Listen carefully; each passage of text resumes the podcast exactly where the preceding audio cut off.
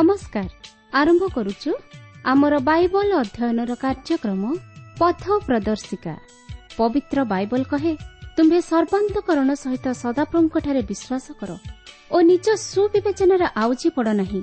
ଆପଣାର ସବୁ ଗତିରେ ତାହାଙ୍କୁ ସ୍ୱୀକାର କର। ତହିଁରେ ସେ ତୁମ୍ଭର ପଥ ସବୁ ସରଳ କରିବେ। ଆସନ୍ତୁ ସେହି ପଥ ପ୍ରଦର୍ଶକଙ୍କର ସନ୍ଧାନ ପାଇବା ନିମନ୍ତେ ଶୁଣିବା ବେତାର କାର୍ଯ୍ୟକ୍ରମ ପଥ ପ୍ରଦର୍ଶିକା।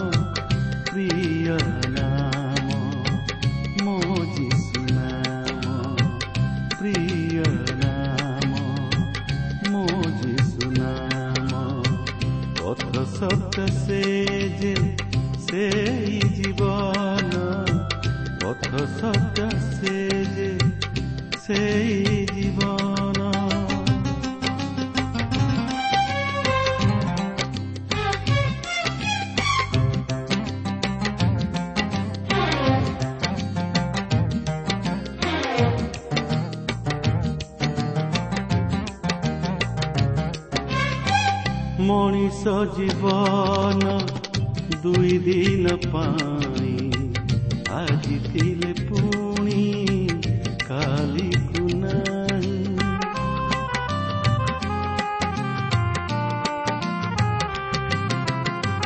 ଆସିଛି ମୁଁ ଏକା ଚାଲିଯିବି ଏକା କରି ସେ ନାମ ନୀତି ଜ୍ଞାନ ସେଇ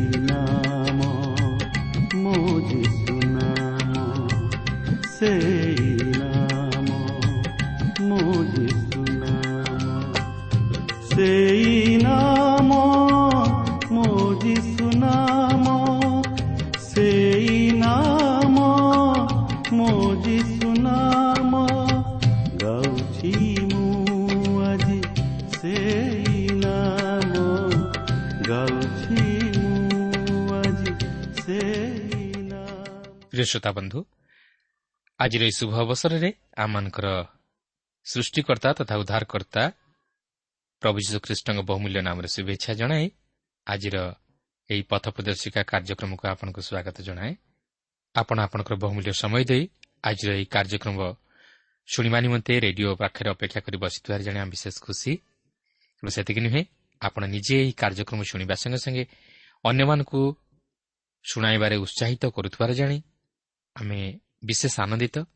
ପ୍ରଭୁ ଆପଣଙ୍କୁ ଆଶୀର୍ବାଦ କରନ୍ତୁ। ଆପଣଙ୍କର ମନସ୍କାମନା ପୂର୍ଣ୍ଣ କରନ୍ତୁ। ଆସନ୍ତୁ ପ୍ରଭୁଙ୍କର ବାକ୍ୟ ମଧ୍ୟ ଦେଇଯିବା ପୂର୍ବରୁ ପ୍ରାର୍ଥନାର ସହିତ ପ୍ରଭୁଙ୍କ ବାକ୍ୟର ନିକଟବର୍ତ୍ତୀ ହେବା। ଆସନ୍ତୁ ପ୍ରାର୍ଥନା କରିବା।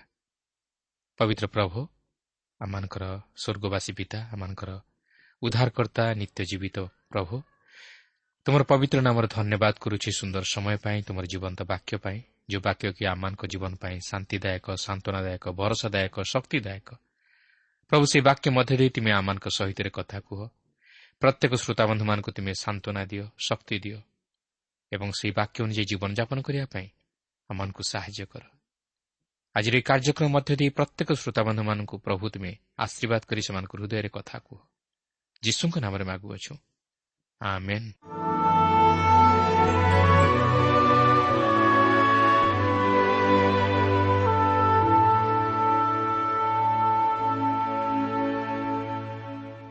ଆସନ୍ତୁ ବର୍ତ୍ତମାନ ଆମେ ପ୍ରଭୁଙ୍କର ବାକ୍ୟ ମଧ୍ୟକୁ ଯିବା। ଆଜି ଆମେ ପ୍ରେରିତ ବାଇଶ ପର୍ବର ନଅ ପଦରୁ ଆରମ୍ଭ କରି ତେଇଶ ପର୍ବର ଦଶ ପଦ ପର୍ଯ୍ୟନ୍ତ ଅଧ୍ୟୟନ କରିବା ନିମନ୍ତେ ଯିବା।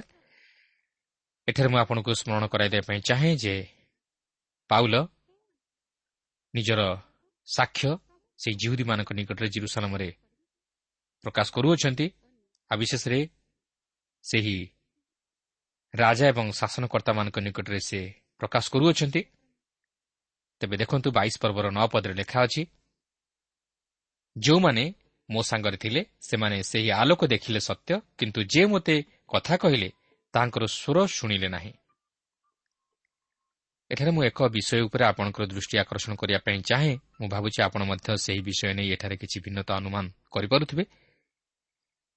କିନ୍ତୁ ତାହା ସେପରି କିଛି ଭିନ୍ନ ତା ନୁହେଁ। ଆମେ ଯଦି ପ୍ରେରିତ ନଅ ପର୍ବର ସାତ ପଦକୁ ଫେରିଯିବା ତାହେଲେ ସେଠାରେ ଦେଖିବାକୁ ପାରିବା ଯେ ପାଉଲଙ୍କର ସେହି ପରିବର୍ତ୍ତନର ଘଟଣା ମଧ୍ୟରେ ଲେଖା ଅଛି ଯେଉଁ ଲୋକମାନେ ତାହାଙ୍କ ସାଙ୍ଗରେ ଯାତ୍ରା କରୁଥିଲେ ସେମାନେ ସେହି ଶବ୍ଦ ଶୁଣି କାହାରିକି ନ ଦେଖିବାରୁ ଅବାକ ହୋଇ ଠିଆ ହୋଇ ରହିଲେ। କିନ୍ତୁ ଏଠାରେ ପାଉଲ ତାଙ୍କର ସାକ୍ଷ୍ୟ ମଧ୍ୟରେ କହନ୍ତି ଯେ ଯେଉଁମାନେ ମୋ ସାଙ୍ଗରେ ଥିଲେ ସେମାନେ ସେହି ଆଲୋକ ଦେଖିଲେ ସତ୍ୟ କିନ୍ତୁ ଯିଏ ମୋତେ କଥା କହିଲେ ତାହାଙ୍କ ସ୍ୱର ଶୁଣିଲେ ନାହିଁ। ତେଣୁକରି ଏଠାରେ ଆପଣଙ୍କର ଓ ମୋ ମନରେ ପ୍ରଶ୍ନ ଆସିବା ସ୍ୱାଭାବିକ ଯେ ଏହିପରି ଭିନ୍ନତା କାହିଁକି ପରିଲକ୍ଷିତ ହୁଏ?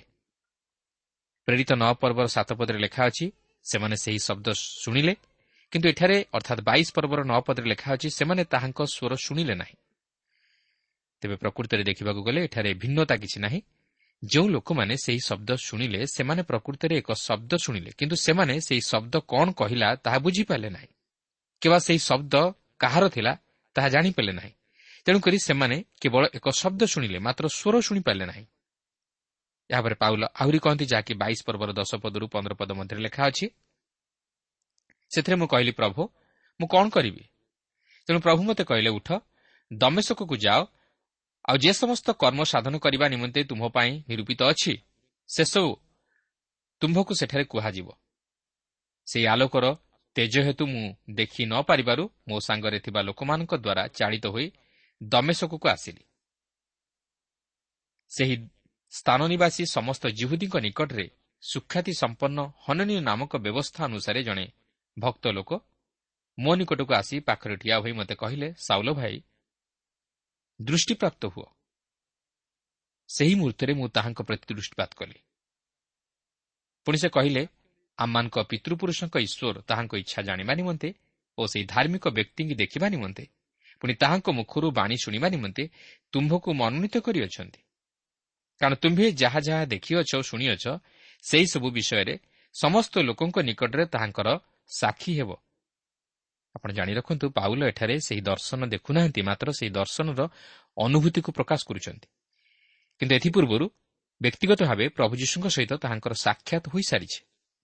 ଓ ପ୍ରଭୁ ଯୀଶୁ ତାହାଙ୍କୁ ସମସ୍ତ ବିଷୟ ଜଣାଇ ଦେଇଛନ୍ତି।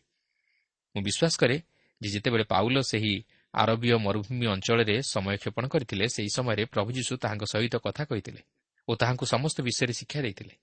ସେ ସେହିଠାରୁ ପ୍ରଭୁ ଯୀଶୁଙ୍କ ଦ୍ୱାରା ତାଲିମ ପ୍ରାପ୍ତ ହୋଇ ଆସିଥିଲେ ଓ ସେହି ଦର୍ଶନର ବାସ୍ତବ ଅଭିମତକୁ ବୁଝିପାରିଥିଲେ।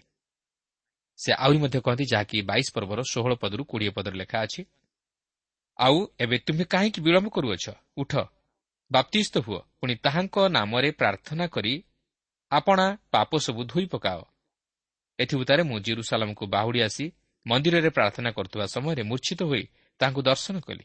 ସେ ମୋତେ କହିଲେ ବିଳମ୍ବ ନ କରି ଶୀଘ୍ର ଜିରୁସାଲାମରୁ ବାହାରିଯାଅ କାରଣ ସେମାନେ ଆମ୍ଭ ବିଷୟରେ ତୁମ୍ଭର ସାକ୍ଷ୍ୟ ଗ୍ରହଣ କରିବେ ନାହିଁ। ସେଥିରେ ମୁଁ କହିଲି ପ୍ରଭୁ ମୁଁ ଯେ ଆପଣଙ୍କଠାରେ ବିଶ୍ୱାସୀମାନଙ୍କୁ ସମାଜ ଗୃହରେ ଧରି କାରାଗାରରେ ପକାଉଥିଲି ଓ ପ୍ରହାର କରିଥିଲି। ଏହା ସେମାନେ ନିଜେ ଜାଣନ୍ତି। ଆଉ ଯେତେବେଳେ ଆପଣଙ୍କ ସାକ୍ଷୀ ସ୍ତିପାନଙ୍କ ରକ୍ତପାତ ହେଉଥିଲା ସେତେବେଳେ ମୁଁ ମଧ୍ୟ ପାଖରେ ଠିଆ ହୋଇ ତାହା ସମର୍ଥନ କରୁଥିଲି। ପୁଣି ଘାତକମାନଙ୍କର ବସ୍ତ୍ର ରକ୍ଷା କରୁଥିଲି। ଏହା ହିଁ ଥିଲା ପ୍ରଭୁ ଯୀଶୁଙ୍କ ସହିତ ପ୍ରେରିତ ପାଉଲଙ୍କର ଦର୍ଶନ ମାଧ୍ୟମରେ କଥୋପକଥନର ଅନୁଭୂତି। ସ୍ତିପାନଙ୍କୁ ପଥର ଫୋପାଡ଼ି ମାରିବାରେ ତାହାଙ୍କର ଯେ ହସ୍ତ ଥିଲା ଓ ସେ ଯେ ସେଥି ନିମନ୍ତେ ଦାୟୀ ଥିଲେ ତାହା ସେ ଭୁଲି ଯାଇନଥିଲେ କି ଅସ୍ୱୀକାର କରିନଥିଲେ। ସେ ପ୍ରଭୁଙ୍କ ନିକଟରେ ମଧ୍ୟ ତାହା ସ୍ୱୀକାର କରନ୍ତି। କେବଳ ଯେ ସ୍ତିପାନ ତାହା ନୁହେଁ ମାତ୍ର ଖ୍ରୀଷ୍ଟଙ୍କଠାରେ ବିଶ୍ୱାସ କରୁଥିବା ବିଶ୍ୱାସୀମାନଙ୍କ ପ୍ରତି ସେ ଯେ ତାଡ଼ନା ଘଟାଇଛନ୍ତି ତାହା ମଧ୍ୟ ସେ ସ୍ୱୀକାର କରନ୍ତି ଯାହାକି ତାଙ୍କର ନିଜର ପରିବର୍ତ୍ତନ ନିମନ୍ତେ ତାହାଙ୍କୁ ପ୍ରସ୍ତୁତ କରାଇଥିଲା। ଏହାପରେ ଏକୋଇଶ ପଦରେ ଲେଖା ଅଛି ସେଥିରେ ସେ ମୋତେ କହିଲେ ଯାଅ କାରଣ ଆମ୍ଭେ ତୁମକୁ ଦୂରକୁ ବିଜାତିମାନଙ୍କ ନିକଟକୁ ପ୍ରେରଣ କରିବୁ। ବାସ୍ତବରେ ପ୍ରଭୁ ଅସମ୍ଭବକୁ ସମ୍ଭବରେ ପରିଣତ କରିପାରନ୍ତି। ସେ ସାଉଲଙ୍କୁ ପାଉଲରେ ପରିଣତ କଲେ। ସେ ପାଉଲଙ୍କ ଦ୍ୱାରା ତାଙ୍କର ମହତ ଅଭିମତକୁ ସାଧନ କଲେ। ସେ ପାଉଲଙ୍କର ସମସ୍ତ ପାପ ମଧ୍ୟ କ୍ଷମା କରିଦେଲେ ଓ ତାହାଙ୍କୁ ତାହାଙ୍କର ଏକ ବିଶ୍ୱସ୍ତ ସେବକ ସ୍ୱରୂପେ ବ୍ୟବହାର କଲେ। ତେବେ ପାଉଲ ଏଠାରେ ବିଜାତୀୟମାନଙ୍କ ବିଷୟ ନେଇ ପ୍ରକାଶ କରନ୍ତି ଯେହେତୁ ସେ ସେହି ବିଜାତୀୟମାନଙ୍କ ମଧ୍ୟରେ ରହି କାର୍ଯ୍ୟ କରି ଆସୁଥିଲେ ଓ ସେମାନଙ୍କୁ ଖ୍ରୀଷ୍ଟଙ୍କ ବିଷୟରେ କହୁଥିଲେ।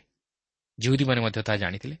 କିନ୍ତୁ ଯେଉଁ ମୁହୂର୍ତ୍ତରେ ସେ ବିଜାତୀୟମାନଙ୍କ ବିଷୟ ନେଇ କହିଲେ ସେହି ମୁହୂର୍ତ୍ତରେ ସେମାନେ ଚିତ୍କାର କରି ଉଠିଲେ। ସେହି ଶାନ୍ତ ପରିବେଶ ଅଶାନ୍ତ ହୋଇଉଠିଲା। ଆଉ ସେମାନେ ତାହାଙ୍କ କଥା ଆଉ ଶୁଣିବାକୁ ଇଚ୍ଛା କଲେ ନାହିଁ। ଯେହେତୁ ସେମାନେ ବିଜାତୀୟମାନଙ୍କୁ ଘୃଣା କରୁଥିଲେ ଓ ସେମାନଙ୍କୁ ସେମାନଙ୍କ ମଧ୍ୟରେ ସ୍ଥାନ ଦେବାକୁ ଚାହୁଁନଥିଲେ।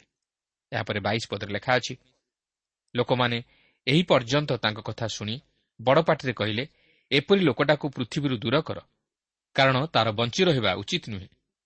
ଏହା ହିଁ ଥିଲା ସେହି ଜିହୁଦୀ ଲୋକମାନଙ୍କର କାର୍ଯ୍ୟକଳାପ ଓ ବିଜାତୀୟମାନଙ୍କ ପ୍ରତି ସେମାନଙ୍କ ମନର ପ୍ରତିକ୍ରିୟା।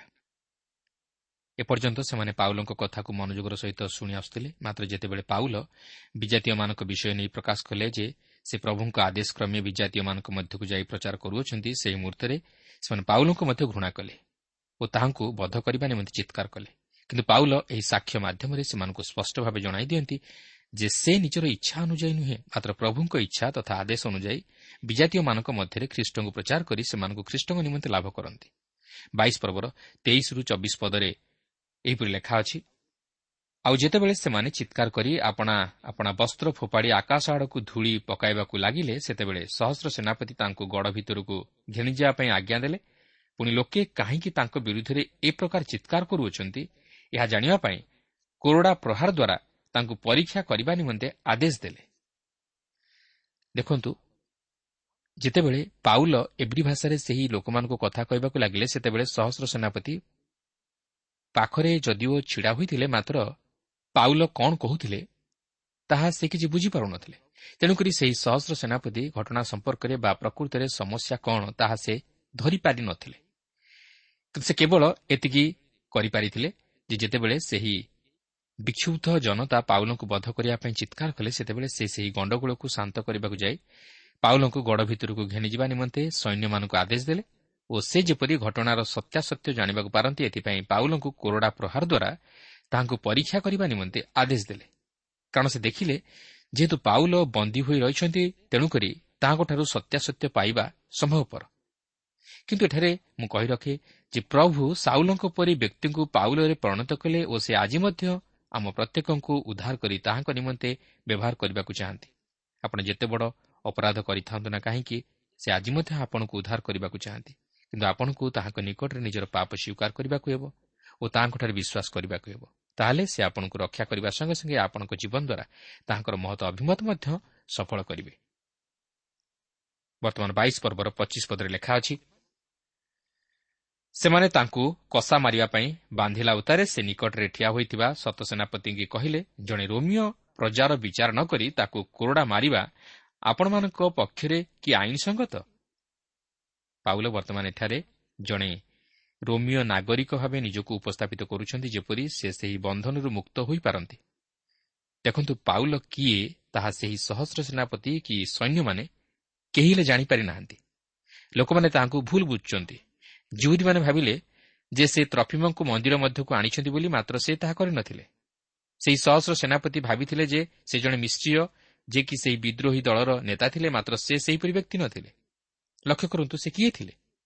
ସେ ଜଣେ ଏବ୍ରିଓ ଥିଲେ ଯେ କି ଅତି ପ୍ରାଞ୍ଜଳ ଭାବେ ଗ୍ରୀକ୍ ଭାଷାରେ କଥା କହୁଥିଲେ। ସେ ମଧ୍ୟ ଜଣେ ରୋମିଓ ନାଗରିକ ଥିଲେ। ତେଣୁକରି ସେ ବର୍ତ୍ତମାନ ନିଜକୁ ସେହି ବନ୍ଧନରୁ ରକ୍ଷା କରିବା ନିମନ୍ତେ ଜଣେ ରୋମିଓ ନାଗରିକ ଭାବେ ନିଜକୁ ପରିଚିତ କରାଉଛନ୍ତି। ବାଇଶ ପର୍ବର ଛବିଶରୁ ଅଠେଇଶ ପଦରେ ଲେଖା ଅଛି। ସେହି ସତ ସେନାପତି ଏହା ଶୁଣି ସହସ୍ର ସେନାପତିଙ୍କ ନିକଟକୁ ଯାଇ ତାଙ୍କୁ ସେହି କଥା ଜଣାଇ କହିଲେ ଆପଣ କ'ଣ କରିବାକୁ ଯାଉଅଛନ୍ତି? ଏହି ଲୋକ ତ ଜଣେ ରୋମିଓ। ସେଥିରେ ସହସ୍ର ସେନାପତି ଆସି ତାଙ୍କୁ କହିଲେ ମୋତେ କୁହ ତୁମେ କି ଜଣେ ରୋମିଓ? ସେ କହିଲେ ହଁ। ସେଥିରେ ସହସ୍ର ସେନାପତି ଉତ୍ତର ଦେଲେ ଅନେକ ଅର୍ଥ ଦେଇ ମୁଁ ଏହି ନାଗରିକ ପଦ ପ୍ରାପ୍ତ ହୋଇଅଛି। ପାଉଲ କହିଲେ କିନ୍ତୁ ମୁଁ ଜନ୍ମରେ ରୋମିଓ। ଦେଖନ୍ତୁ ଏହି ସହସ୍ର ସେନାପତି ଜନ୍ମରୁ ରୋମିଓ ନଥିଲେ। ମାତ୍ର ସେ କୌଣସି ପ୍ରକାର ଅନେକ ଅର୍ଥ ଦେଇ ଏହି ନାଗରିକ ପଦ ପ୍ରାପ୍ତ ହୋଇଥିଲେ। କିନ୍ତୁ ସେ ଯେତେବେଳେ ଜାଣିଲେ ଯେ ପାଉଲ ଜନ୍ମରୁ ଏହି ରୋମିଓ ନାଗରିକ ପଦ ପ୍ରାପ୍ତ ହୋଇଛନ୍ତି ଅର୍ଥାତ୍ ଜନ୍ମରୁ ସେ ରୋମିଓ ସେତେବେଳେ ସେ ତାହା ଜାଣି ଆଶ୍ଚର୍ଯ୍ୟ ହୋଇଯାଉଛନ୍ତି। କାରଣ ସେହି ସମୟରେ ରୋମ୍ ସାମ୍ରାଜ୍ୟ ତାହାର ଆଧିପତ୍ୟ ବିସ୍ତାର ଲାଭ କରିଥିଲା ଓ ରୋମିଓମାନଙ୍କୁ ସମସ୍ତେ ଭୟ କରୁଥିଲେ। ତାଛଡ଼ା ଜଣେ ରୋମିଓ ପ୍ରଜାର ବିଚାର ନ କରି ତାହାକୁ କୋରଡ଼ା ମାରିବା ମଧ୍ୟ ଆଇନସଙ୍ଗତ ନଥିଲା। ତେବେ ଦେଖନ୍ତୁ ବର୍ତ୍ତମାନ ଘଟଣାଟି କିପରି ମୋଡ଼ ନେବାକୁ ଯାଉଅଛି। ଅଣତିରିଶରୁ ତିରିଶ ପଦରେ ଲେଖା ଅଛି ତେବେ ଯେଉଁମାନେ ତାଙ୍କୁ ପରୀକ୍ଷା କରିବାକୁ ଉଦ୍ୟତ ଥିଲେ ସେମାନେ ତତ୍କ୍ଷଣାତ୍ ସେଥିରୁ ନିବୃତ୍ତ ହେଲେ ଆଉ ସହସ୍ର ସେନାପତି ସୁଦ୍ଧା ସେ ଯେ ଜଣେ ରୋମିଓ ଏହା ବୁଝିବାରୁ ଓ ତାଙ୍କୁ ବାନ୍ଧିବାରୁ ଭୀତ ହେଲେ। କିନ୍ତୁ କାହିଁକି ସେ ଜିହୁଦୀମାନଙ୍କ ଦ୍ୱାରା ଅଭିଯୁକ୍ତ ହୋଇଅଛନ୍ତି ତାହା ନିଶ୍ଚୟ ରୂପେ ଜାଣିବା ଇଚ୍ଛାରେ ସେ ପରଦିନ ତାଙ୍କର ବନ୍ଧନ ଫିଟାଇ ପ୍ରଧାନ ଯାଜକ ଓ ସମସ୍ତ ମହାସଭାକୁ ଏକତ୍ର ଆସିବା ପାଇଁ ଆଜ୍ଞା ଦେଲେ। ପୁଣି ପାଉଲଙ୍କୁ ଘେନି ଆଣି ସେମାନଙ୍କ ସମ୍ମୁଖରେ ଠିଆ କରାଇଲେ।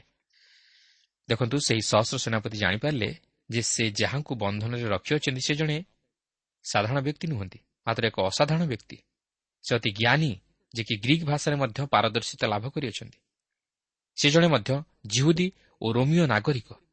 ତେଣୁ ସେ ତାହାଙ୍କୁ ଆଉ କୋରଡ଼ା ପ୍ରହାର ନ କରାଇ ଛାଡ଼ି ଦେଉଛନ୍ତି। ମାତ୍ର ତାହାଙ୍କ ବିରୁଦ୍ଧରେ ଯେଉଁ ଅଭିଯୋଗ ଥିଲା ସେହି ଅଭିଯୋଗର ପ୍ରକୃତ କାରଣ ଓ ତହିଁର ସତ୍ୟାସତ୍ୟ ଜାଣିବା ନିମନ୍ତେ ସେ ଆଉ ସାଧାରଣ ଭାବରେ ତାହାଙ୍କର ବିଚାର ନ କରି ପ୍ରଧାନ ଯାଜକ ଓ ସମସ୍ତ ମହାସଭା ସମ୍ମୁଖରେ ତାହାଙ୍କୁ ଛିଡ଼ା କରାଇ ଘଟଣାର ପ୍ରକୃତ କାରଣ ଜାଣିବା ନିମନ୍ତେ ତାହାଙ୍କୁ କଥା କହିବା ପାଇଁ ସୁଯୋଗ ଦେଉଅଛନ୍ତି। ତେବେ ଈଶ୍ୱରଙ୍କର ଯୋଜନା ମଧ୍ୟ ପାଉଲଙ୍କ ଜୀବନ ଦ୍ୱାରା ଅଦ୍ଭୁତ ଭାବେ ସଫଳ ହେବାକୁ ଥିଲା। କାରଣ ଈଶ୍ୱରଙ୍କ ଯୋଜନା ଥିଲା ଯେ ପାଉଲ ଯେପରି ରୋମ୍ରେ ତାହାଙ୍କ ନିମନ୍ତେ ସାକ୍ଷୀ ହୁଅନ୍ତି। ପାଉଲ ହିଁ ଏକମାତ୍ର ବ୍ୟକ୍ତି ଯେ କି ରୋମ୍ରେ ସୁଷମାଚାର ପ୍ରଚାର କରିବା ନିମନ୍ତେ ସମର୍ଥ ଥିଲେ। ରୋମ୍ ସାମ୍ରାଜ୍ୟ ମଧ୍ୟରେ ପ୍ରଚାର କରିବା ନିମନ୍ତେ ତାଙ୍କର ଅନେକ ଦକ୍ଷତା ମଧ୍ୟ ଥିଲା। ଏଥିନିମନ୍ତେ ଗ୍ରୀକ୍ ତାଲିମ ତାହାଙ୍କୁ ବିଶେଷ ସାହାଯ୍ୟ କରିଥିଲା। ସେ ମୂଷାଙ୍କ ବ୍ୟବସ୍ଥା ଅନୁଯାୟୀ ତାଲିମ ପ୍ରାପ୍ତ ହୋଇଥିଲେ ଯଦ୍ୱାରା ସେହି ବ୍ୟବସ୍ଥାକୁ ପ୍ରଭୁ ଯୀଶୁଖ୍ରୀଷ୍ଟଙ୍କର ଏହି ଜଗତକୁ ଆଗମନ ଓ ତାଙ୍କର ଉଦ୍ଧାରର କାର୍ଯ୍ୟ ଓ ପୁନରୁତ୍ଥାନର ଦୃଷ୍ଟିକୋଣରୁ ନେଇ ତହିଁର ଭାଷାନ୍ତର କରିବା ନିମନ୍ତେ ଓ ତହିଁର ବାସ୍ତବ ନିଗୁଢ଼ ବିଷୟ ବୁଝିବା ନିମନ୍ତେ ତାହାଙ୍କୁ ପ୍ରସ୍ତୁତ କରାଇପାରିଥିଲା ତାଛଡ଼ା ତାହାଙ୍କର ରୋମିଓ ନାଗରିକ ପଦ ରୋମ୍ରେ ଖ୍ରୀଷ୍ଟଙ୍କ ନିମନ୍ତେ ସାକ୍ଷୀ ହେବା ପାଇଁ ଓ ରୋମ୍ ପରିଦର୍ଶନ କରିବା ପାଇଁ ଦ୍ୱାର ଉନ୍ମୁକ୍ତ କରିଦେଇଥିଲା। ତେବେ ଏହିଠାରେ ଆମେ ବାଇଶ ପର୍ବଟି ଅଧ୍ୟୟନ କରି ସମାପ୍ତ କଲୁ ମାତ୍ର ଏହାପରେ ଆମେ ତେଇଶ ପର୍ବଟି ଅଧ୍ୟୟନ କରିବା ନିମନ୍ତେ ଯିବା। ଏଠାରେ ବର୍ତ୍ତମାନ ଲକ୍ଷ୍ୟ କରିବାର ବିଷୟ ହେଉଛି ପାଉଲ ସେହି ପ୍ରଧାନ ଯାଜକ ଓ ମହାସଭା ସମ୍ମୁଖରେ ଛିଡ଼ା ହୋଇ ଆତ୍ମପକ୍ଷ ସମର୍ଥନ କରିବାର ସୁଯୋଗ ପାଇଛନ୍ତି ଓ ସେ ବର୍ତ୍ତମାନ ନିଜର ଆତ୍ମପକ୍ଷ ସମର୍ଥନ କରୁଅଛନ୍ତି ଯାହାକି ଆମେ ଏହି ତେଇଶ ପର୍ବରେ ଲକ୍ଷ୍ୟ କରିବାକୁ ପାରିବା। ଦେଖନ୍ତୁ ପାଉଲ ବର୍ତ୍ତମାନ ବନ୍ଧନରେ ଅଛନ୍ତି ଓ ଆମେ ଏହିଠାରୁ ତାହାଙ୍କୁ କେବଳ ବନ୍ଦୀ ରୂପେ ଦେଖିବା। ଏହିଠାରୁ ଆମେ ଦେଖିବାକୁ ଯିବା ଯେ ପାଉଲ ନିଜ ବିଷୟରେ ଓ ତାହାଙ୍କର ପ୍ରଚାର କାର୍ଯ୍ୟ ନେଇ ବାରମ୍ବାର ଆତ୍ମପକ୍ଷ ସମର୍ଥନ କରିବେ। ସେ ବିଭିନ୍ନ ଶାସକମାନଙ୍କ ସମ୍ମୁଖରେ ଛିଡ଼ା ହେବେ। ଯେହେତୁ ଜିହୁରୀମାନେ ତାହାଙ୍କୁ ବଦ୍ଧ କରିବାକୁ ଚାହୁଁଥିଲେ ଓ ସେ ମଧ୍ୟ କାଇସରିଆକୁ ନିଆଯିବେ। ସେ ସେହି କାଇସରିଆରେ ଦୁଇ ବର୍ଷ କାଳ ବନ୍ଦୀ ଅବସ୍ଥାରେ ରହିବେ ଓ ଏହାପରେ ଶେଷରେ ସେ ରୋମ୍କୁ ମଧ୍ୟ ପଠାଯିବେ। ତେବେ ଏହି ସମସ୍ତ ବିଷୟ ନେଇ ଆମମାନଙ୍କ ମନରେ ପ୍ରଶ୍ନ ଆସେ ଯେ ପାଉଲଙ୍କ ପରି ଜଣେ ପ୍ରଭୁଙ୍କର ବିଶ୍ୱସ୍ତ ସେବକଙ୍କ ଜୀବନରେ ଏପରି ବନ୍ଧନ ଓ କ୍ଲେଶ ଆସିଲା କାହିଁକି? କିନ୍ତୁ ଏହି ସମସ୍ତ ମଧ୍ୟରେ ଈଶ୍ୱରଙ୍କର ଏକ ମହତ ଅଭିମତ ସଫଳ ହେବାକୁ ଥିଲା ଯାହାକି ସେ ପାଉଲଙ୍କୁ ପୂର୍ବରୁ ଜଣାଇ ଦେଇଥିଲେ। ପ୍ରେରିତ ନଅ ପର୍ବର ପନ୍ଦର ଓ ଷୋହଳ ପଦରେ ଆମେ ତହିଁର ପ୍ରମାଣ ପାଉ। ଲେଖା ଅଛି କାରଣ ସେ ବିଜାତି ରାଜା ଓ ଇସ୍ରାଏଲ୍ର ସନ୍ତାନମାନଙ୍କ ସମ୍ମୁଖରେ ଆମ୍ଭର ନାମ ବହନ କରିବା ନିମନ୍ତେ ଆମର ଜଣେ ମନୋନୀତ ପାତ୍ର ଅଟେ। ତେଣୁ ଆମ୍ଭର ନାମ ସକାଶେ ତାହାକୁ ଯେ କେତେ ଦୁଃଖ ଭୋଗ କରିବାକୁ ହେବ ତାହା ଆମ୍ଭେ ତାହାକୁ ଜଣାଇବା। ବାସ୍ତବରେ ପାଉଲଙ୍କ ଜୀବନରେ ତାହା ହିଁ ଘଟିବାକୁ ଥିଲା। କିନ୍ତୁ କାହିଁକି? ଖ୍ରୀଷ୍ଟଙ୍କ ନାମ ଯେପରି ସମଗ୍ର ଜଗତରେ ପ୍ରଚାରିତ ହେବାକୁ ପାରେ। କାରଣ ସେହି ସମୟରେ ରୋମ୍ ସାମ୍ରାଜ୍ୟ ତାହାର ଅଖଣ୍ଡ କ୍ଷମତା ସମଗ୍ର ଜଗତ ଉପରେ ବିସ୍ତାର କରି ରଖିଥିଲା। ତେଣୁ ପାଉଲ ସେମାନଙ୍କ ନିକଟରେ ଖ୍ରୀଷ୍ଟଙ୍କୁ ପ୍ରଚାର କରିବାର ଅର୍ଥ ସମଗ୍ର ଜଗତରେ ଖ୍ରୀଷ୍ଟଙ୍କର ନାମ ପ୍ରଚାରିତ ହେବାକୁ ଲାଗିଲା। ବର୍ତ୍ତମାନ ଲକ୍ଷ୍ୟ କରନ୍ତୁ ପାଉଲ ସେହି ମହାସଭା ସମ୍ମୁଖରେ ନିଜର ସଫାଇ ଦେବାକୁ ଯାଇ କ'ଣ କହୁଅଛନ୍ତି। ତେଇଶ ପର୍ବର ପ୍ରଥମ ଦୁଇ ପଦରେ ଲେଖା ଅଛି ଆଉ ପାଉଲ ମହାସଭା ପ୍ରତି ସ୍ତ୍ରୀୟ ଦୃଷ୍ଟିରେ ଚାହିଁ କହିଲେ ଭ୍ରାତୃବୃନ୍ଦ ମୁଁ ଏହି ଦିନ ପର୍ଯ୍ୟନ୍ତ ସମ୍ପୂର୍ଣ୍ଣ ସୁବିବେକରେ ଈଶ୍ୱରଙ୍କ ସାକ୍ଷାତରେ ଆଚାର ବ୍ୟବହାର କରି ଆସିଅଛି। ସେଥିରେ ମହାଯାଚକ ହାନାନ୍ ତାଙ୍କ ପାଖରେ ଠିଆ ହୋଇଥିବା ଲୋକମାନଙ୍କୁ ତାଙ୍କ ମୁଖରେ ଆଘାତ କରିବା ପାଇଁ ଆଜ୍ଞା ଦେଲେ। ଦେଖନ୍ତୁ ପାଉଲ ବର୍ତ୍ତମାନ ମହାସଭା ସମ୍ମୁଖରେ ଛିଡ଼ା ହୋଇ ନିଜର ଆତ୍ମପକ୍ଷ ସମର୍ଥନ କରୁଅଛନ୍ତି। ସେଠାରେ ମଧ୍ୟ ପ୍ରଧାନ ଯାଜକ ଓ ଶାସନ ପରିଷଦ ବସିଛନ୍ତି। ମହାଯାଜକ ହାନାନଙ୍କର ଉଦ୍ଧତତା ପ୍ରକାଶିତ ହୋଇଅଛି। ସେ ଯେପର୍ଯ୍ୟନ୍ତ ତାହାଙ୍କ ମୁଖରୁ କଥା ଶୁଣିବା ପାଇଁ ପ୍ରସ୍ତୁତ ହୋଇନାହାନ୍ତି ସେ ପର୍ଯ୍ୟନ୍ତ ସେ ପାଉଲଙ୍କୁ କଥା କହିବା ନିମନ୍ତେ ସୁଯୋଗ ଦେଉନାହାନ୍ତି। ତେଇଶ ପର୍ବର ତିନି ପଦରେ ଲେଖା ଅଛି ସେତେବେଳେ ପାଉଲ ତାଙ୍କୁ କହିଲେ ହେ ଶୁକ୍ଳୀକୃତ ପ୍ରାଚୀର ଈଶ୍ୱର ତୁମକୁ ଆଘାତ କରିବେ। ତୁମେ ଏକାବେଳେ ବ୍ୟବସ୍ଥା ଅନୁସାରେ ମୋର ବିଚାର କରିବାକୁ ବସି ବ୍ୟବସ୍ଥା ବିରୁଦ୍ଧରେ ମୋତେ ଆଘାତ କରିବା ପାଇଁ କି ଆଜ୍ଞା ଦେଉଅଛ? ପ୍ରକୃତରେ ରୋମିଓ ଆଇନ ଅନୁଯାୟୀ ଯେପର୍ଯ୍ୟନ୍ତ କୌଣସି ଲୋକର ବିଚାର କରି ତାହାକୁ ଦୋଷୀ ବୋଲି ପ୍ରମାଣିତ କରାଯାଇ ନାହିଁ ସେ ପର୍ଯ୍ୟନ୍ତ ତାହାକୁ ଶାସ୍ତି ମଧ୍ୟ ଦିଆଯାଇ ପାରୁନଥିଲା। ଜଣେ ଲୋକକୁ ଧରି ତାହାକୁ କୌଣସି କାରଣ ନେଇ ଦୋଷାରୋପ କରିବା ଦ୍ୱାରା ଅଭିଯୋଗକାରୀମାନେ ଯେ ସେହି ଲୋକକୁ ଗାଳିଗୁଲଜ କରିବେ ବା ତାହା ପ୍ରତି ଖରାପ ବ୍ୟବହାର କରିବେ ଏହା ମଧ୍ୟ ରୋମିଓ ଶାସନରେ ନଥିଲା।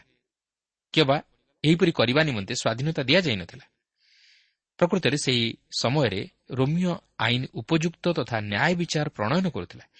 କିନ୍ତୁ ସେ ଯାହା ହେଉନା କାହିଁକି ଏହି ଘଟଣାରେ ଓ ପ୍ରଭୁ ଯୀଶୁଙ୍କ ପ୍ରତି ବିଚାର କରିବାରେ ରୋମିଓ ଆଇନ ଶୃଙ୍ଖଳାରେ ପରିବର୍ତ୍ତନ ଘଟିଥିଲା ଓ ଆଇନର ବିପରୀତ କାର୍ଯ୍ୟ କରାଯାଇଥିଲା। କାରଣ ଯେ ଆଇନ ପ୍ରଣୟନ କରେ ଆଇନ ଅନୁଯାୟୀ ନ୍ୟାୟ ବିଚାର କରିବା ତାହା ଉପରେ ନିର୍ଭର କରେ। ତେବେ ଏଠାରେ ଲକ୍ଷ୍ୟ କରିବାର ବିଷୟ ହେଉଛି ଯେ ପାଉଲ ଆତ୍ମପକ୍ଷ ସମର୍ଥନ କରିବା ସମୟରେ ମହାଜାଜକ ତାଙ୍କର ମୁଖକୁ ଆଘାତ କରିବାକୁ କହୁଛନ୍ତି ମାତ୍ର ପାଉଲ ମଧ୍ୟ ତାହାଙ୍କୁ ଏକ କଡ଼ା ପ୍ରତ୍ୟୁତ୍ତର ଦେଉଛନ୍ତି। ପାଉଲ ଯଦିଓ ଜଣେ ନମ୍ର ଲୋକ ଥିଲେ ମାତ୍ର ଏହାର ଅର୍ଥ ନୁହେଁ ଯେ ଅନ୍ୟାୟକୁ ସମର୍ଥନ କରିବା ବା ସମର୍ଥନ ନ କରି ନିରବ ରହିବା। ପ୍ରକୃତିରେ ନମ୍ରତାର ଅର୍ଥ ହେଉଛି ଈଶ୍ୱରଙ୍କ ଇଚ୍ଛା ଉପରେ ନିଜକୁ ସମ୍ପୂର୍ଣ୍ଣ ସମର୍ପଣ କରିବା ଓ ତାହାଙ୍କର ଅନୁଯୋଗ ଓ ଶାସନକୁ ମାନିନେବା। କିନ୍ତୁ ମନୁଷ୍ୟକୁ ଭୟ କରି ଅନ୍ୟାୟକୁ ସମର୍ଥନ କରିବା ବା ନିରବ ରହିବାକୁ ନମ୍ରତା ବୋଲି କୁହାଯାଇ ନପାରେ ପାଉଲ ସେହି ମହାଯାଜକଙ୍କୁ ସୁକୀକୃତ ପ୍ରାଚୀର ବୋଲି କହନ୍ତି। ଆଉ ସେ କହନ୍ତି ତୁମେ ମୂଷାଙ୍କ ବ୍ୟବସ୍ଥା ଅନୁସାରେ ମୋହର ବିଚାର କରିବାକୁ ବସି ବ୍ୟବସ୍ଥା ବିରୁଦ୍ଧରେ ମୋତେ ଆଘାତ କରିବା ପାଇଁ ଆଜ୍ଞା ଦେଉଛ? ତେଣୁ ଏଥିରୁ ଜଣାଯାଏ ଯେ ପାଉଲ ମଧ୍ୟ ମୂଷାଙ୍କ ବ୍ୟବସ୍ଥା ଜାଣିଥିଲେ। କାରଣ ବ୍ୟବସ୍ଥାରେ ମଧ୍ୟ ଏହା ଥିଲା ଯେ ବିଚାର କରାଯିବା ପୂର୍ବରୁ ଜଣେ ମନୁଷ୍ୟକୁ ଦୋଷୀ ସାବ୍ୟସ୍ତ କରି ତାହାକୁ ଶାସ୍ତି ଦିଆଯାଇ ପାରିବ ନାହିଁ। ତେଇଶ ପର୍ବର ଚାରିପଦରେ ଏହିପରି ଲେଖା ଅଛି। ସେଥିରେ ପାଖରେ ଠିଆ ହୋଇଥିବା ଲୋକମାନେ କହିଲେ ତୁ କି ଈଶ୍ୱରଙ୍କ ମହାଜାଜକଙ୍କୁ ନିନ୍ଦା କରୁଅଛୁ? ପାଉଲ ଜାଣିନଥିଲେ ଯେ ହାନାନ ଜଣେ ମହାଜାଜକ ଥିଲେ। କିନ୍ତୁ ସେ ଯଦି ତାହାଙ୍କୁ ଭଲ ଭାବେ ଦେଖିଥାନ୍ତେ ତାହେଲେ ତାହାଙ୍କୁ ଚିହ୍ନି ପାରିଥାନ୍ତେ। ତାଙ୍କର ପରିବର୍ତ୍ତନ ପୂର୍ବେ ସେ ଜିରୁସାଲାମରେ ଜଣେ ଫାରୁସି ଥିଲେ। ମୁଁ ଭାବୁଛି ପାଉଲଙ୍କର ଚକ୍ଷୁ ରୋଗ ଥିବାର ଏହା ଆଉ ଏକ ପ୍ରମାଣ। ତେଣୁକରି ସେ ଭଲ ଭାବେ ଦେଖିପାରୁନଥିଲେ। ତେବେ ଆମେ ଯେତେବେଳେ ପାଉଲଙ୍କର ପତ୍ରଗୁଡ଼ିକୁ ଅଧ୍ୟୟନ କରିବାକୁ ଯିବା ଆମେ ଜାଣିପାରିବା ଯେ ତାହାଙ୍କର ଦୃଷ୍ଟିଶକ୍ତି କ୍ଷୀଣ ଥିଲା। ପାଞ୍ଚ ପଦରେ ଲେଖା ଅଛି ପୁଣି ପାଉଲ କହିଲେ ଭ୍ରାତୃବୃନ୍ଦ ସେ ମହାଯାଜକ ବୋଲି ମୁଁ ଜାଣିନଥିଲି। କାରଣ ଲିଖିତ ଅଛି ତୁମ୍ଭେ ନିଜ ଲୋକମାନଙ୍କ ଅଧ୍ୟକ୍ଷଙ୍କୁ ଅଭିଶାପ ଦେବ ନାହିଁ। ପାଉଲ ବ୍ୟବସ୍ଥା ଜାଣିଥିଲେ। ସେ ବ୍ୟବସ୍ଥାର ପ୍ରତ୍ୟେକଟି ବିଷୟ ଜାଣିଥିଲେ। ସେ ଜାଣିଥିଲେ ଯେ ଅଧ୍ୟକ୍ଷମାନଙ୍କୁ ସମ୍ମାନ ଦେବା ଉଚିତ ବୋଲି ବ୍ୟବସ୍ଥାରେ ଲେଖା ଅଛି। କିନ୍ତୁ ସେ ଜାଣି ଜାଣି ତାହା କରିନଥିଲେ। ମାତ୍ର ସେ ତାହାଙ୍କୁ ଚିହ୍ନି ନଥିବାରୁ ତାହାଙ୍କୁ ସେହିପରି ଉତ୍ତର ଦେଲେ। କିନ୍ତୁ ଆଜି ଆମେ ନିଜର ଅଭିଭାବକ ବା ଗୁରୁଜନମାନଙ୍କୁ କିମ୍ବା ଶିକ୍ଷକ ଶିକ୍ଷୟିତ୍ରୀ ବା ଉପରିସ୍ଥମାନଙ୍କୁ ସମ୍ମାନ ଦେବାକୁ ଭୁଲିଯାଉ। କିନ୍ତୁ ସେପରି କରିବା ଉଚିତ ନୁହେଁ। ଆମେ ସେମାନଙ୍କୁ ସମ୍ମାନ ଦେବା ଉଚିତ ଓ ସେମାନଙ୍କର ବାଧ୍ୟ ହେବା ଉଚିତ। ଏହାପରେ ଛଅ ପଦରେ ଲେଖା ଅଛି କିନ୍ତୁ ପାଉଲ ଏକ ଭାଗ ସାଧୁକି ଆଉ ଅପର ଭାଗ ଫାରୁସି ବୋଲି ଜାଣି ମହାସଭାରେ ଉଚ୍ଚସ୍ୱରରେ କହିଲେ ଭ୍ରାତୃବୃନ୍ଦ ମୁଁ ଜଣେ ଫାରୁସି ଓ ଫାରୁସିର ପୁତ୍ର। ପୁଣି ଏହି ଭରସା ଅର୍ଥାତ୍ ମୃତମାନଙ୍କ ପୁନରୁତ୍ଥାନ ସମ୍ବନ୍ଧରେ ମୁଁ ବିଚାରିତ ହେଉଅଛି। ଆମେ ପାଉଲଙ୍କର ପୃଷ୍ଠଭୂମି ନେଇ ଏଠାରେ ଆଉ କେତେକ ବିଷୟ ମଧ୍ୟ ଲକ୍ଷ୍ୟ କରୁଅଛୁ। ସେ କେବଳ ଫାରୁସି ନଥିଲେ ତାଙ୍କର ପିତା ମଧ୍ୟ ଜଣେ ଫାରୁସି ଥିଲେ। ସମ୍ଭବତଃ ଏକ ଧନଶାଳୀ ଓ ପ୍ରଭାବଶାଳୀ ବ୍ୟକ୍ତି ଥିଲେ। ପାଉଲ ଏଠାରେ ନିଜର ଆତ୍ମପକ୍ଷ ସମର୍ଥନ କରିବାର ଉଦ୍ଦେଶ୍ୟ ରଖି ଦୁଇ ଦଳ ମଧ୍ୟରେ ଏକ ବୈଷମ୍ୟତା ସୃଷ୍ଟି କରୁଅଛନ୍ତି। କାରଣ ସେଠାରେ ଏକ ଭାଗ ସାଧୁକି ଆଉ ଅପର ଭାଗ ଫାରୁସି ଥିଲେ। ତେବେ ପାଉଲ ଏଠାରେ ପ୍ରଭୁ ଯୀଶୁଙ୍କର ପୁନରୁତ୍ଥାନ ଉପରେ ଗୁରୁତ୍ୱ ଦେଉନାହାନ୍ତି। ମାତ୍ର ଘଟଣା ହେଉଛି ଯେ ଫାରୁସିମାନେ ମୃତମାନଙ୍କର ପୁନରୁତ୍ଥାନ ଅଛି ବୋଲି ବିଶ୍ୱାସ କରୁଥିଲେ ଓ ତାହା ହିଁ ଥିଲା ସେମାନଙ୍କର ଭରସା କିନ୍ତୁ ସାଧୁକୀମାନେ ତାହା ବିଶ୍ୱାସ କରୁନଥିଲେ। ତେଣୁକରି ପାଉଲ ତାହା ଜାଣି ଉଭୟ ଦଳ ମଧ୍ୟରେ ଧର୍ମତତ୍ତ୍ୱ ସମ୍ବନ୍ଧୀୟ ଏକ ବୈଷମ୍ୟତା ସୃଷ୍ଟି କରିଦେଲେ। ଯେପରି ସେମାନଙ୍କ ମଧ୍ୟରେ ସେହି ବିଷୟ ନେଇ ଯୁକ୍ତିତର୍କ ହେବା ଦ୍ୱାରା ସେ ସେଠାରେ ଆତ୍ମପକ୍ଷ ସମର୍ଥନ କରିବାର ସୁଯୋଗ ପାଇପାରନ୍ତି। ସାତ ପଦରୁ ନଅ ପଦ ମଧ୍ୟରେ ଲେଖା ଅଛି ସେ ଏହି କଥା କହିବାରୁ ଫାରୁସି ଓ ସାଧୁକୀମାନଙ୍କ ମଧ୍ୟରେ ବିବାଦ ଘଟିଲା ଆଉ ସଭାରେ ଦଳଭେଦ ହେଲା। କାରଣ ସାଧୁକୀମାନେ ପୁନରୁତ୍ଥାନ ନାହିଁ କିମ୍ବା ଦୂତ ଅବା ଆତ୍ମା ନାହିଁ ବୋଲି କହନ୍ତି କିନ୍ତୁ ଫାରୁସିମାନେ ଉଭୟ ସ୍ୱୀକାର କରନ୍ତି। ଏଥିରେ ମହା କୋଳାହଳ ଘଟିଲା ଆଉ ଫାରୁସିମାନଙ୍କ ଦଳର କେତେକ ଶାସ୍ତ୍ରୀ ଉଠି ବାଗ୍ଯୁଦ୍ଧ କରି କହିଲେ ଆମ୍ଭେମାନେ ଏହି ଲୋକଠାରେ କୌଣସି ଦୋଷ ଦେଖୁନାହୁଁ। କେଜାଣି କୌଣସି ଆତ୍ମା କିମ୍ବା କୌଣସି ଦୂତ ତାହା ସାଙ୍ଗରେ କଥା କହିଅଛନ୍ତି। ବର୍ତ୍ତମାନ ଆପଣ ଲକ୍ଷ୍ୟ କରନ୍ତୁ ଫାରୋସିମାନେ ପାଉଲଙ୍କର ସପକ୍ଷ ହୋଇ ତାହାଙ୍କ ତରଫରୁ ପ୍ରତିବାଦ କରୁଛନ୍ତି। ସେମାନେ ପାଉଲଙ୍କ ତରଫରୁ ବିବାଦ କରୁଛନ୍ତି। କାରଣ ଯେତେବେଳେ ସେମାନେ ଜାଣିଲେ ଯେ ସେ ଜଣେ ଫାରୁସି ସେତେବେଳେ ସେମାନେ ତାହାଙ୍କୁ ସୁରକ୍ଷା ଦେବାକୁ ଯାଇ ତାହାଙ୍କ ତରଫରୁ ପ୍ରତିବାଦ କଲେ। ଏହାପରେ ଦଶପଦରେ ଲେଖା ଅଛି ଏହି ପ୍ରକାରେ ମହାବିବାଦ ଘଟନ୍ତେ କାଳେ ପାଉଲ ସେମାନଙ୍କ ଦ୍ୱାରା ଖଣ୍ଡ ବିଖଣ୍ଡ ହୁଅନ୍ତି। ଏହି ଭୟରେ ସହସ୍ର ସେନାପତି ସେମାନଙ୍କ ମଧ୍ୟରୁ ତାଙ୍କୁ ବଳପୂର୍ବକ ଗଡ଼ ଭିତରକୁ ଘେନି ଆସିବା ନିମନ୍ତେ ସୈନ୍ୟମାନଙ୍କୁ ଯିବାକୁ ଆଜ୍ଞା ଦେଲେ। ଆପଣ ଦେଖନ୍ତୁ ଏହା ହେଉଛି ପ୍ରଥମ ଥର ପାଇଁ ଯାହାକି ଲୋକ ମହାବିବାଦ ବୋଲି ଉଲ୍ଲେଖ କରନ୍ତି। ଏଥିରୁ ଅନୁମାନ କରିହୁଏ ଯେ ଘଟଣାଟି କେତେ ଭୟଙ୍କର ଆଡ଼କୁ ଗତି କରୁଥିଲା। ପାଉଲଙ୍କର ଜୀବନ ଏତେ ଦୂର ସଙ୍କଟାପନ୍ନ ଥିଲା ଯେ ଯାହାଫଳରେ ସେହି ସହସ୍ର ସେନାପତି ପାଉଲଙ୍କୁ ରକ୍ଷା କରିବାକୁ ଯାଇ ତାହାଙ୍କୁ ଗଡ଼ ଭିତରକୁ ଘେନିଯିବା ପାଇଁ ସୈନ୍ୟମାନଙ୍କୁ ଆଦେଶ ଦେଲେ। କାରଣ ଗାଲିଓନଙ୍କର ଚିନ୍ତାଧାରା ଅନୁଯାୟୀ ଓ ତାହାଙ୍କ ଦ୍ୱାରା ପ୍ରଣୀତ ଆଇନ ଅନୁଯାୟୀ ରାଜ୍ୟର ଆଇନ ତାହାଙ୍କୁ ସୁରକ୍ଷା ପ୍ରଦାନ କରେ ଯାହାକି ଏଠାରେ ସ୍ପଷ୍ଟ ଅନୁମିତ ହୁଏ। ତେଣୁକରି ତାହା ଜାଣି ପାଉଲଙ୍କ ବିରୁଦ୍ଧରେ ଉଠୁଥିବା ସମସ୍ତ ପ୍ରକାର ଅଭିଯୋଗର କାରଣ ସମ୍ପର୍କରେ ନ ଜାଣିଲେ ମଧ୍ୟ ସହସ୍ର ସେନାପତି ତାହାଙ୍କୁ ସୁରକ୍ଷା ପ୍ରଦାନ କରନ୍ତି। ତେବେ ଏଠାରେ ଆମେ ଆଜିର କାର୍ଯ୍ୟକ୍ରମକୁ ସ୍ଥଗିତ ରଖିବା। ପରବର୍ତ୍ତୀ କାର୍ଯ୍ୟକ୍ରମରେ ଆଗକୁ ଆଉ କ'ଣ ଘଟିଲା ତାହା ଆଲୋଚନା କରିବା। କିନ୍ତୁ ଏଠାରେ ମୁଁ ଆପଣଙ୍କୁ କହି ରଖେ ଯେ ପ୍ରଭୁ ଯାହାର ସପକ୍ଷ ମନୁଷ୍ୟ ତାହାର କିଛି କ୍ଷତି କରି ନପାରେ ଓ ପ୍ରଭୁଙ୍କର ଯୋଜନା କେବେ ହେଲେ ବିଫଳ ହୋଇନଥାଏ ସେ ଯାହା ସ୍ଥିର କରିଥାନ୍ତି ତାହା ସଫଳ କରନ୍ତି। ତେଣୁ ସଦାସର୍ବଦା ଈଶ୍ୱରଙ୍କ ଇଚ୍ଛା ଉପରେ ନିଜକୁ ସମ୍ପୂର୍ଣ୍ଣ ସମର୍ପଣ କରି ତାଙ୍କର ଇଚ୍ଛା ଅନୁଯାୟୀ ଯଦି ଆମେ ଜୀବନଯାପନ କରିବା ଓ ବୁଦ୍ଧିର ସହିତ କାର୍ଯ୍ୟ କରିବା ତାହେଲେ ଆମେ ଅନେକ ସମସ୍ୟା ତଥା ବିପଦରୁ ନିଜକୁ ରକ୍ଷା କରିବାକୁ ସକ୍ଷମ ହୋଇପାରିବା ଓ ଈଶ୍ୱରଙ୍କ ଅଭିମତ ମଧ୍ୟ ଆମମାନଙ୍କ ଜୀବନ ଦ୍ୱାରା ସାଧିତ ହୋଇପାରିବ। ଈଶ୍ୱର ଆମ ପ୍ରତ୍ୟେକଙ୍କୁ ଆଶୀର୍ବାଦ କରନ୍ତୁ।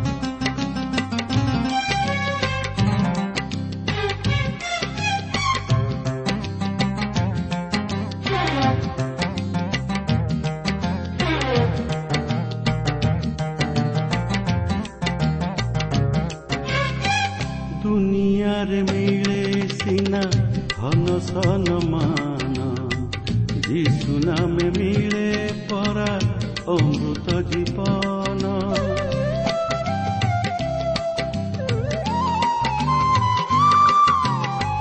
ଯୀଶୁ ନାମେ ପାଇଛି ମୁଁ ଅନନ୍ତ ଜୀବନ ପୁଣ୍ୟ